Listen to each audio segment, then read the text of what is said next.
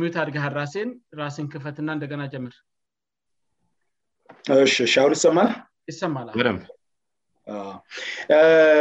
በጣም ጥሩ ሳሀሳብም በሀሳብ እየተነጠንነው እንግዲህ ወደ ልክነት ስንመጣ ትንሽ አሁንም ፋውንዴሽን መጣል ያስፈልገናል የሰው ልጁ ውስጥ በቃል የማይገለጽ እንደዚው ተብራርቶ ምናልባት ሁሉም ሰው የማያወራ ብሊፍ ሲስተም የሚባል አለ ኦረዲ ከሀሳብ ከገባብን እውቀት የተነሳ የተወለደ ሳብኮንሽስ ማይንድ ውስጥ በ ሳና ስብ ይሄ የልክነት መለኪያ ብለን እያንዳንዱ የሚያምነው ወይም በሌላ ወርልድ ቪው የምንለው አለምን የምንተረጉምበት ሌላ ደግሞ ይ ሴት የምንላቸው ወይም ቫስ የህወት ላሮች አምዶች አርገን የምንወስዳቸው እኛ ውስጥ በቃላት ባናወራም በተግባር በአካሄድ በአክሽናችን የምናሳየው እነዚህ ነገሮች አሉ ብሊፍ ሲስተም ከዛ አደግ ሲል ፊሎሶፊም ሊሆን ይችላል እና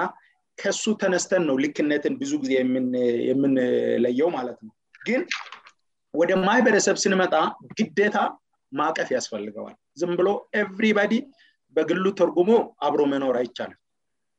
ስለዚህ እኔ ሶስት ወይም አራት ነገሮች አራት ነጥብ ቅድም ባነሳቸው አነሳ አለው ወደበተለይ ወደ ሳይንሳዊ ወደ አካዳሚክ ኤሪያ ጋር ስትመጣ ኢቲክስ የሚባል ቃልአለች ወይም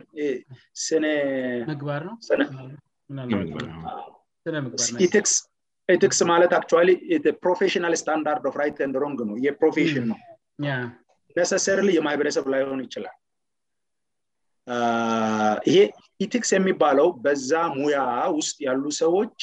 የልክነት መለኪያ የሚስማሙበት ነው ስለዚህ ሳይንስ ነው የተቀናጀ ነው ተማራለህ ትግባባበታለ ማለት ነው ስለዚህ ሙያ ውስጥ ቢትመጣ ምንድነው ልክ ያለሆነ ስትል የኢቲክስ መለኪያ አለ እ የራሱን የቻለ ፕሮፌሽን ሳይንስ ስለሆነ ማለት ነው ወደ ማህበረሰብ ዝም ብሎ አብሮ የምኖር ማህበረሰብ ህብረተሰብ ጋር ስትመጣ ደግሞ ኖርም የሚባል ነገር አለ ያልተጻፈ ግን የታወቀ ለምሳሌ አንድ ልጅ ጨዋ ልጅ ነው ታዛዥ ልጅ ነው የሚባለው ወይም ህብረተሰቡ ይሄ ጥሩ ልጅ ነው የሚለው ለተላላቅ ሲታዘዝ ለተላላቅ ክብር ሲሰጥ ስላክ ቶሎ ሲሄድ ሰላምተሰ ዝቅ ስን እንደዛ አይነት ስይሄ ልጅ በጣም ጥሩ ልጅ ነው ይባላል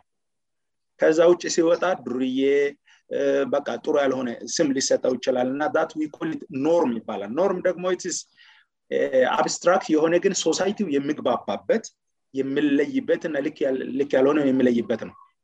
ይሄልጅ ድርዬ ነው ይሄ ልጅ የማይታዘዝ ነው ለማለት አላቸው ሶሳይቲ የሚላቸው ማለት ነው ዛት ዊኮሊት ኖርም ማለት ነው እና አንድ ያደኩበት ማህበረሰብ ጎረቤት ይሁን ሰፋ ብሎ ያለው መንደር ውስጥ አለው እኔ በቃል በጽሁፍ መናገር ባልችልም ግን ህብረተሰቡ የምግባባበትና ከንግግር ጀምሮ ከቃላት አጠቃጠም ጀምሮ የመለኪያ አለው ያኖርም አለ ስለዚህ በሱ ይለካል ፕሮፌሽን ጋር ስንመጣ በዛ ይለካል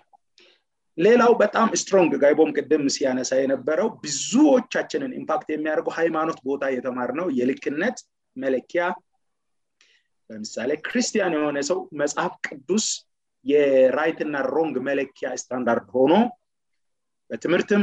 ስንነጋገርም ጃጅ ለማድርግም እንጠቀማለን ስለዚህ የሃይማኖቱ መጽሐፍ የሃይማኖቱ ቀኖና የልክነት መለኪያ የሆና ወደ ሙስሊም ኮሚኒቲም ስነድ ቁርአን አላቸው ምናልባት ኛ ሀገር ብዙ ስለለለእን ወደ ኢስተርን ፓርት ት ቡድሃ ና ጁድዝም እና ሂንዱዝም ያላቸው ደግሞ አላቸው የራሳቸውና የሃይማኖት መጽሐፍ ትምህርት መልኪያ የሆነል ሶስተኛ ምናልባት በጣም አገር እዛ ጋር ከባድ የሆነችዋ የፖለቲካል ኮረክትነስ የሚባላለች አንድ ማህበረሰብ ጋር የፖለቲካ ቡድን ይመጣል ያ የፖለቲካ ቡድን ሲመጣ አስተሳሰብ መዋቅር አለው የአስተሳሰብ ፍሬምወርክ አለው ወይም ቅኝት አለው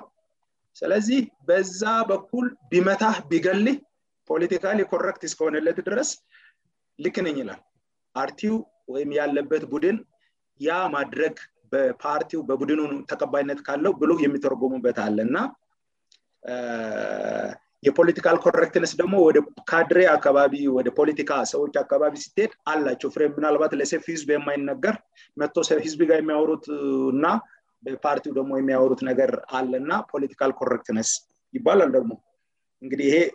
እዛ ውስጥ ያለ ሰው ይገባው ወይም ቀረብ ያለሰው ነው የሚገባውእና ውሳኔ ሲወሰን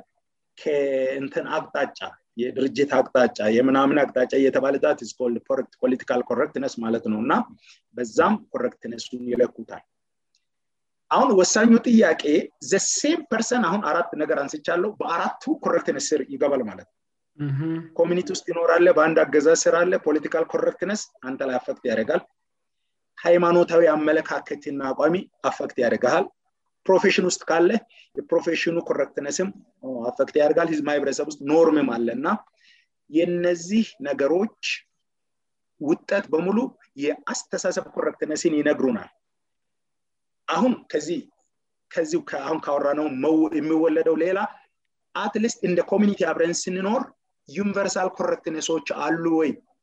ፖለቲካልንም የሚገዛለት ሃይማኖትም የሚገዛለትማህበረሰብም የሚገዛለት የጋራ ኤብሪባዲን ኮሄሲቭ አርጎ አያይዞ የሚኖራለ ወይ እሱን ስ እንደት መፍጠር እንችላለን የምትለዋን ጥያቄ ለአንተ ለሞዴተሩ ሰጥቼ ምናልባት አለዛ ተበጣጥሰ ልንቀር ነው ማለት ነው ሃይማኖት ብዙዋለን የራሱ ኮረክትነስ ካለው ያደግንበት ኮሚኒቲ የተለያየ ነው ሪባዲ ኮረክትነስ ኖርምን ለብቻ ካለው ፖለቲካ ቪ የተለያየ ነው ሪባዲ የእኔ ኮረክትነስ ለኝ ብሎ ከሄዴ ው ሚኒቱጌዛቺ ወሳኝ ጥያቀ ናት እንደት ነው ወደፊት የምነደው የምትለዋ ምናልባት የውይይታችን መቋጫ የሆናል እና እሱ ለአንተ ጥያቀ ሰጥቼ ግን ኮረክትነስ ሁን ካወረኋችው አንግሎች በሙሉ ፋርዘርም ሌላም ሊኖር ይችላል ኮክትነስ ከ ግል ይታያል ላበጣም አመሰግዳሉቸ ታን ዩ ጣበጣም ግልጽ አርገ ቀለል አርገህ ያሉትን የልክነት መለኪያዎች እንደየአውዳቸው ነገር ህናል ጥያቄ ማምጠል የጋራ የልክነት መለኪያ አለ ወይ ወይም መፍጠር ይቻላል የሚለው ሀሳብ ምናልባት እንግዲህ መጨረሻ ላይ ማሳረጊያ ላይ ተቀራራቢ የምናነሳው ሀሳብ አለእና ጥያቄውን እዛ ጋ ያነሳው እና ስንጠቀልል እዛ ጋ ይንን ሀሳብ እናውራበታለን እስኪ ጋይቦ ጋ ልምጣና የሚጨምረው ነገር ካለ ለአንተ ምድል ልስት ማለት አንድ ማህበረሰብ ውስጥ እንግዲህ አሁን አሳሰብ መሰረት አለው ብለናል ፋንዴሽን አለ ብለናል አሳሳሰቡ ልክነቱንስ በምን ማወቅ ይቻላል የሚለው ሀሳብ እያነሳን ያለ ነው አስቼ በጣም ቆንጆ አድርጎ በአራት መንገድ ሙያ ውስጥ ያሉ ሰዎች የራሳቸው የሙያቸውን አካሄድ ልክነት የሚለኩበት አላቸው ማህበረሰቡ ደግሞ ማህበረሰብ ውስጥ ያሉ ሰዎችንጠባይ ልክነት የሚለኩበት አለ ቤተ እምነት ውስጥ ደግሞ የሃይማኖቱ ቤት ሰዎች እንዴት መኖር እንዳለባቸው ልክነቱን የሚለኩበትአለ መጨረሻዊ ደግሞ በፖለቲካ ዓለም ውስጥ ደግሞ የራሳቸው የልክነት ሚዛን አላቸው የሚለውን ሀሳብ ነው የተመለከት ነው እና በአንድም በሌላም ግን እነዚህ ሁሉ እንደ ማህበረሰብ አፈክት ያደረጉናል ምክንያቱም የተሰባጠረ ነው ህይወታችን በእነዚህ አሁን በተጠቃቀሱ ነገሮች ሁሉ ተጽዕኖ ይደረግበታል የተለያየ ሙያ ውስጥ አለን ሌላው ብቀር ግብርና ውስጥ እንኳን አለን አደለም አሁን ማህበረሰባችን አብዛኛው ገበሬ ነው እንኳን ብንል ገበሬው እንኳን ከእርሻው ሁኔታ ጋር በተያያዘ የሚተዳደርበት የልክነት ሚዛን ይኖራል ለምሳሌ ድንበር አካባቢ አንዱ ወደ ሌላው ሰው ድንበር እንዳያልፍ የሚደረግበት የሆነ የራሱን ያካሄዳለእና ይገርማቸዋል በቃ እህል እንኳን አንድ ወይ ሁለት ህል እንኳን ከተባለው ቦታ ካለፈ ይታወቃል እና ወደዛኛው የሚታሰርበት ሁኔታ አለ እና ብዙ የሚገራርሙ ነገሮች አሉ ሆኖም ግን እነዚህ ነገሮች እንግዲህ ሁላችን የማፈክት ያደረጋሉነ ሮ ሮ በአንድም በሌላም ስለዚህ እንደተምታታብንንቆያለን ወይስ መንገድ አለ እነዚን ሃርሞናይዝ ማድረግ የሚቻልበት መንገድ አለ ወይ እንግዲህ እነሱን ያው በውይይቱ እያዳበረን እንሄዳለን ግን እስኪ አንተ ደግሞ ውስጥ ላ ያለ ማት ሀሳሰብ ልክነቱን በምን ማወቅ እንችላለን የሚለው ላይ ወይም ደግሞ የተነሱት ሀሳቦች ላይም ማወገልበቻ ሀሳቦችን መጨመር ትችላል እድል ልስጥናእህ ይህን የሀሳብ ልክነት ለማውራት ልክ ምንድንነው የምለውን ነገር ማወቅ ያስፈልጋል ይመስለኛል ልክ ምንድን ነው ልክ እንት ይገለጻል እንግዲህ እንደኔ አንድርስታንድንግ ልክ ማለት ምናልባት ልክ የሆነ ነገር አንድ ሰው ልክ መሆኑን እያወቀ እንዳልሆነ አድርጎ ሊገልጸው ይችላል ግን በትክክል በሞራል የተቀረጠ ትክክል ምን እንደሆነ በስነስርዓት ላአይምሮ የሚገዛ አንድ ሰው የምረዳው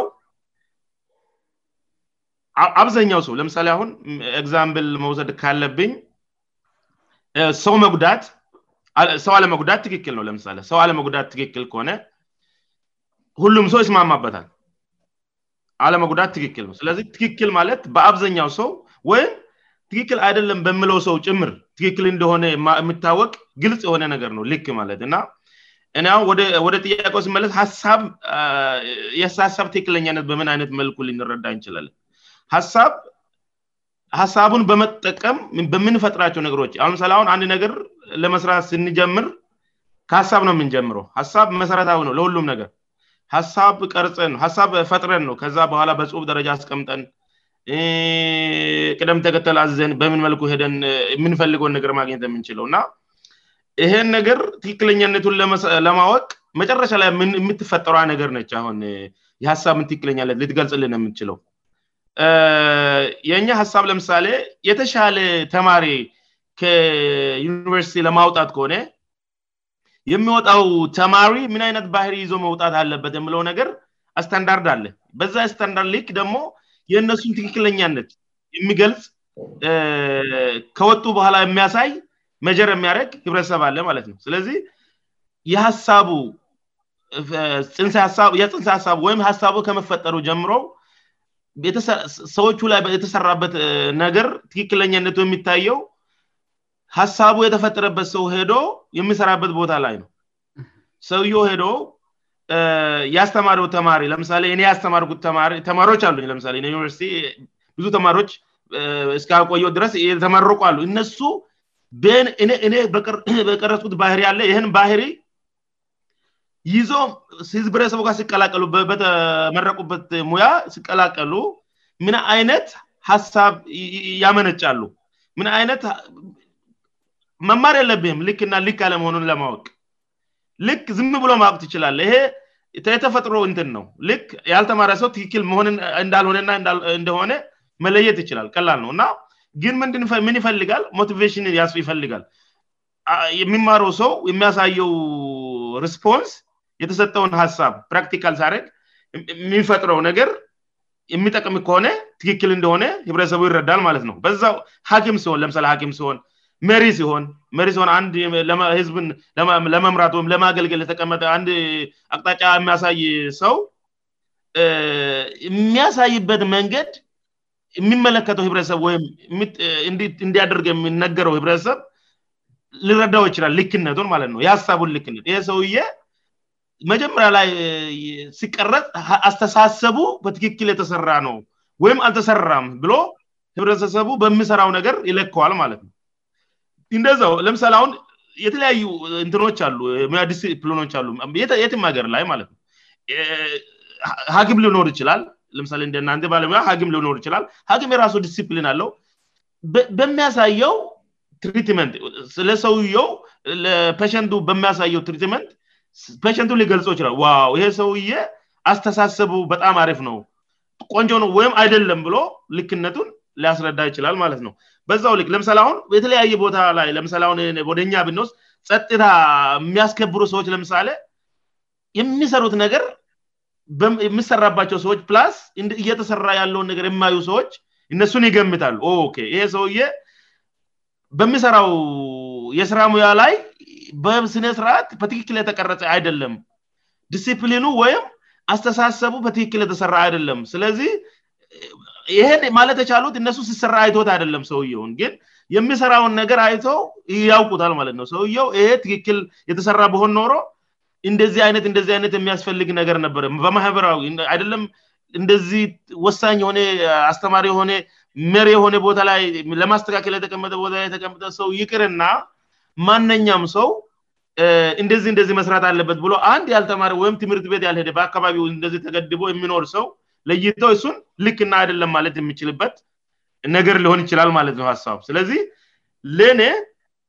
ሀሳብ ልክነቱ የሚለካው ሀሳቡን ተጠቅመን በምንፈጥረው ነገር ምረት ላይ አውርደን የምንሰራበት ቦታ ላይ የምናሳየው ሪስፖንስ ፕራክቲካ የሚፈጠረው ነገር የሚሰጠን ህብረተሰቡ የሚመልስልን መልስ ሊሆን ይችላል ማለት ነው ልክነቱ ስለዚህ ስንሰራው ጥሩ ሪስፖንስ ከተሰጠን ወይም ባይሰጠንም የምሰራው ነገር ሰው ልክነ ባይ እንኳን ለምሳሌ ሰውን መምታት ትክክል አይደለም አደለም ሰውን ከመታ ትክክል እንዳልሆን ታቃለ ስለዚህ ሰውን አይመታ ሰው በሀሳብ ያምናል ሰውን ከስህተቱ በመቀየር ያምራል የምለውን ሀሳብ ይዞ ሰውየው ሰው ጃጅ ያደረጓል ማ ለው አስተሳሰቡ ጥሩ ነበር ጥሩ ነው የተቀረሰው በሃይማኖት ሊሆን ይችላል በትምህርት ሊሆን ይችላል አብሮ የዋለው ጓደኛው ሊሆን ይችላል በተለያየ ሚንስ የሰውዬ አያያዙና አስተዳደጉ በተሰቡ ሊሆን ይችላል ይዞ የመጣው የአይምሮ ቅርጽ የአስተሳሰቡ ቅርጽ መልካም ነው ስለዚህ አርአያ ተደርጎ ይወሰዳል በተለያየ ቦታ ላይ እንዲሁም ተፈላጊነቱ ይጨምራል ማለት ሌላ ሰውን ለማስተካከል እንደዚህ ሞቲቬትድ የሆኑ ሰዎች ካሉ በተለያየ ሚንስ ሰውየውን ሊጠቀሙበት ይችላሉ ማለት ነው ከሀሳሰቡ መልካም ኔ የተነሳእና የሀሳብ ልክነት እኔ በዛ አይነት መልኩ ነው ትክክለኛ ነቱን ማረጋገጥ ይቻላል ብዬ ማስቡበጣምም መሰግነውቦ አይንክ uh, uh, በጣም ቆንጆ በሆነ መንገድ uh, የአንድን ሰው ወይም ደግሞ የአንድን ግለሰብ አስተሳሰብ ትክክለኛ ነው አይደለም የምለው መለካት የምንችለው በተግባሩ ነው ያልከንና ቆንጆ ይመስለኛል በጣም ቆንጆ ነው ምናባት እግዲህ እነምዚህ ላይ ሪፍሌክት ላርግና ግን ስለአተሳሰብ ልክነት ስለሆነ እያውራን ያለነው ምናልባት ወንድማችን አስቻልነሳቸው አራት ነጥቦች በጣም ወሳን ስለሆኑ መደጋገም ሳይኖርብኝ አይቀርምእና ቅድም ወንድማችን አስቻል ነሳሆን ሀሳብ ነው አ ልክነቱን እንዴት እንበቅ አስቼ ሁሉም ቢያንስ አራት ካቴጎሪዎችን ያስቀመጠው ለምሳሌ ማህበረሰብ የራሱ የልክነት መለኪያ መለኪያ ጭምር ስለጠየቅ ማለት ነው ማህበረሰብ ኖርም የሚባል ወይም ልማድ ነው የሚባለው መሰለኝ ልተሳሳትኩኝ በአማርኛ ልማድ የሚባላለ ነገር ግን ትክክልና ትክክል ያልሆነን ሳይጻፍ እንደዚሁ በልብ ወይም ሰብኮንሽንስ የምናውቀው አላቸው ብለና ለምሳሌ ጫዋና ጨዋ ያልሆነ ሰው የሚለይበት ማህበረሰብ ውስ ይታወቃል ሙያ ውስጥ ያሉ ሰዎች ደግሞ ኤቲክስ የሚባላላቸው ያንን በዛ የሙያ ፍሬምወርክ ውስጥ የምጠበቅባቸው ልክ ያልሆነና ልክ የሆነ ለምሳሌ ልክ ያልሆነውን አቮይድ እንዲያደረጉ ልክ የሆነውን እንዲሰሩት ማለት ነው እንደዚሁም ደግሞ በእምነት ቤት ደግሞ የተማር ናቸው ልክ የሆኑና ልክ ያልሆኑ አሉ እንደዚሁ ደግሞ ፖለቲካ ዓለም ውስጥ ያሉ ሰዎች ለፖለቲካ ፍጆታ የምጠቀሙበት ደግሞ የልክነት መለኪያ እንዳለ ነው ያነሳ ው አሁን ደግሞ ጋይቦ ለምሳሌ ፕሮፌሽንን እንደ ምሳሌ ወስደ አንድ ሰው በሆነ ፕሮፌሽን ውስጥ ተቀርጾ በፕሮፌሽኑ የልክነት መለኪያ መሰረት እየሰራ ነው እየሰራ አደለም የሚታወቀው ሙያ ሱን ቀርጾት ልስራ ይችላል ብሎ የሰጠውን ሃላፍነት በአግባቡ ማከናወን አለማከናወኑን አይተን ነው ማለት ነው ለምሳሌ አንድ ሰው ሀኪም ሆነው ከተቀረጸ የህክምና ሙያው የሚጠብቅበት ማድረግ የሚገባውና ማድረግ ያለበት ነገር አለ ማለት ነው ሰውየው አሁን ላይሰንስ ተሰጥቶት ወይም ፈቃድ የሙያ ፈቃድ ተሰጥቶት አሁን ሰዎችን ማከም ትችላለ ሙሉ አቅም አለ ሙሉ እውቀት አለ ክህሎቱም አለ ተብሎ ወደ ማህበረሰቡ ተለቆ ነገር ግን ህክምና ሰውን የሚገድል ከሆነ ማለት ለምሳሌ መድኒት ከሚገባው በላይ እየሰጠ ወይም በግደለሽነት መድኃኒት እየሰጠ ወይም ደግሞ በሽታውን በአግባቡ ሳይለይ ለሌላታየሆነኒለሌላ በሽታ እየሰጠ ለምሳሌ የልብ ህመም መድኃኒት ትንሽ እንኳ እንደወዙ እንትን ካለ ሰውነ መግደድ እንትኑ ከፍ ያለ ነው ዶዙ ትንሽ እንኳን ከጨመረ ማለት ነው ስለዚህ ዶዝ እየጨመረ ሰው የሚገድ ከሆነ ልክ አደለም ማለት ነው የሰው ማለት በሙያው የልክነት መለኪያ መሰረት ወድቋል ማለት ነው ሙያው ልንጠቅ ይገባል በሃይማኖት ቤትም ከሄድን እንደዚህ ብዙ ነገር ማንሳት እንችላለን እኔ ግን እዚ ጋር አሁን ምናልባት ወደኋላ ላይ ናቆይ ያሰብኩት እዚጋር ማንሳት አለብን ብያሰብኩኝ ይሄ የጋራ የሆነ ወይም ሁሉን አቀፍ የሆነ የልክነት መለኪያ ሰአለ ወይ ምክንያቱም አሁን የተዘረዘሩ መለኪያዎች ምንም እንኳን በአንድም በሌላ የሚነካኩን ቢሆኑም ሰግመንትን ናቸው የተወሰነን የማህበረሰቡን ሰግመንት ታርጌት የሚያደረግ ነው ለምሳሌ የሙያ ልክነት የሆነ ሙያ ውስጥ ያሉ ሰዎችን ብቻ ነው ታርጌት የሚያደረገው የቤት እምነት ልክነት የሆነ ሃይማኖት ውስጥ የታቀፉ ሰዎችን ብቻ ነው ታርጌት የሚያደገው ምንም እኳን ውጭ ላይ የመጥተው የሚያንጸባርቁት ቢሆንም ማለት ነ ፖለቲካ ደግሞ ጭራሽን በፖለቲካ አለም ውስጥ ካድሬዎችን ብቻ ነው የሚመለከተው በዋናነት ማለት ነው እኛ ተራሁን ሰው አይመለከተልም ምስጥር ላ ሊሆን ይችላል ለፖፕለስ ወይም ለኖርማል ሰው ማለት ነው ስለዚህ የጋራ የሆኑ የልክነት መለኪያስ ሲኖራል ወይም ብየሳስብ ምንመጣልኝ ይሄ ዩኒቨርሳል ሞራል ቫስ የሚባለው አሉ አደለም ዩኒቨርሳል ሞራል ስ ሁሉም ሰው አቮይድ ሊያደጋቸው ወይም ደግሞ ልከተላቸው የሚገቡ ነገሮችን የሚዘረዝሩ መመሪያዎች ናቸው እና ግን ሰብአዊ ፍጥረትን ነው ማይከል ያደረጉት ከሃይማኖት ከም ልነካካ ይችላል ዞሮ ዞሮ መጽሐፍ ቅዱስን መሰረት ያደጉ ናቸው ሰውን ትልቅ ቫሉ በመስጠት ሰው የሚባለው ምድር ላይ ካሉ ፍጥረቶት ሁሉ ዋጋው ከፍ ያለ ነው ብሎ ይነሳል ዩኒቨርሳ ራል ስ ምንላቸው ወይም ሁሉን አቀፍ የሞራል እሴቶች ወይም ሁሉን አቀፍ የትክክል መለኪያዎች ብለን መውሰድ እንችላለን በዚህ አውድ ማለት ነው ሁሉን አቀፍ የትክክለኛነት መለኪያዎች ግለሰብን ወይም ደግሞ ሰብአዊ ፍጥረትን መሰረት ያደርጋሉ ቡድንንም አደለ መረት የሚደጉአይ ዚ በደንብ ግልጽ ማደግ አለብኝ ዩኒቨርሳል ሞራል ቫስ ኢንዲቪል ማን ቢንግን ነው መሰረት የሚያደጉት ቡድንን ሳይሆን አንድ ግለሰብ እንደ ሰው እንደ ሰብአዊ ፍጥረት ቫ እየተኛውን ፍጥረት ሁሉ ይልቅ ከፍ ያለ ነው ን ከቡድንም ከፍ ያለ ነው ብሎ ነው የሚነሳው ማለት ነው ስለዚህ ዩኒቨርሳል ሞራል ቫሉዩስ ለምሳሌ የሌላን ሰው ንብረት መንጠቅ ትክክል አደለም ብሎ ያስቀምጣል ስለዚህ አንድ ሰው የሌላን ሰብዊ ፍጥረት ንብረት የሚነጥቅ ከሆነ ያንን የልክነት መለኪያ ሰብሮታል ማለትነው ለምሳሌ የሰውን ህይወት ማጥፋት የለበትም አንድ ሰው ሰብዊ ፍጥረት ህይወቱ ጠፋ ይገባም ይላል ለምሳ ዩኒርሳልየልክነት መለኪያው ማለትነው ወይም ደግሞ ሰብአዊ ፍጥረት አካሉ ሊጎላ አይገባም ወይም በሌላ ሰው ሊቀጠቀጥ አይገባም ይላል ለምሳሌ ጥፋተኛ እንኳን ቢሆን ወንጀለኛ እንኳን ቢሆን ነብሰገ እን ቢሆን መገደል እንኳን ቢኖርበትና ፍርድ ቤት ፈርዶበት ይሄ ሰውዬ መሞት አለበት እንኳን ብባል ኒቨበዩኒቨርሳል ሞራል ፕሪንሲፕሎቹ መሰረት ሰውየው መገደል እንኳን ቢኖርበት ሰብአዊ በሆነ መንገድ ነው መገደል ያለበት እንጂ እየተሰቃ እያደለም መገደል ያለበት መሞት አለበት ምናልባትም ሰውየው የአውረነት ባህል የሚያሳይና ብዙ ሰዎችን ህይወት ያጠፋ ሊሆን ይችላል ፍልድ ቤት ምን ብሏል መሞት አለበት ብሎ ፈርዶበታል ነገር ግን መሞት እንኳን ቢኖርበት ሰብአው በሆነ መንገድ ነው መሞት ያለበት ነው ለው ያ ፕሪንስፕል ለምን ለሰው ልጅ ወይም ለሰብዊ ፍጥረት ከፍ ያለ ቫሉ ከመስጠቱ የተነሳ ማለት ነው እሱ ብቻ አደለም ለምሳሌ ለምሳሌ መጽሐፍ ቅዱስ ያሉት ሀሳቦች ጋር አንድ ነው ባይዘ ነገር ለምሳሌ ማመንዘር የሚባል ነገር አለም ዩኒቨርሳሌ ልክ አደለም በሁሉም ቦታ ለምን ግንኙነትን ያበላሻል በአንድ ሰብአዊ ፍጥረትና በሌላ ሰብዊ ፍጥረት መካከል ያለን ግንኙነት ያዛባል ለአንድ የሰብአዊ ፍጥረት ያለንን ቫው ይቀንሳል ወይም በአንድን በሌላ ሶስተኛ ወገንን ኢንልቭ ያደርጋል የሚጎዳ ለጉዳት የሚጋለጥ አካል አለ የሚልእንትናለ እሱ ብቻ አደለም ሀሰተኛ መረጃን ማሰራጨት የለብንም ይላል ለምሳሌ የዩኒቨርሳል ራል ሲስተ ማለትነው የልክነት መለኪያው ምን ማለት ነው በሀሰት መመስከል የለብን እውነተኛ ለሆነን መረጃ ማሰራጨት ሰብአዊ ፍጥረትን ይጎዳል እን ርስት ፕስ ያንን መረጃ የምታሰራጨው እኮ የሆነ ልትጎዳ የፈለግከው አካል አለ ማለት ነው እና ምናልባት እንግዲህ በመጽሐፍ ቅዱሱ ካሄድን ወይም ደሞ በቤተ እምነት ካሄድን የግዴታ ከመጻፉ በፊትም መጽሐፍ ቅዱስም ይናገራል በሁሉም ሰው ህልና ውስጥ የተፃፉ ናቸው እነዚህ ማመንዘር ልክ እንዳልሆነ በሁሉን አቀፍ የልክነት መለኪያ ማለትነ ማመንዘር ልክ አደለም ረ ባሌ ያላትን ሴት አብሮ መሆን ወይምምስት ያለው ሰው ጋር መሆን ልክ አደለም ወይም ደግሞ በትዳር ያልተጣመርነውን ሰው ለወሰባዊች ፍላጎት መፈለግ ክልክል ነው በሁሉም ማህበረሰብ ውስጥ የሚሰራ ነው የግዴታ ያምነ ያላምነ አይልም ማለት ነው ነብስ ማጥፋት በሀሰት ሰው ላይ ምስክር መሆኑ የሀሰተኛ መረጃ ፋብሪኬት ማድረግ ማለት ነ እሱ ብቻም አደለም የሌላን ሰውም ንብረት መፈለግ መጥፎ በሆነ መንገድ ለፍተ ማግኘት ስትችል የሌላን ሰው ንብረት መፈለግእና እነዚህ የመሳሰሉት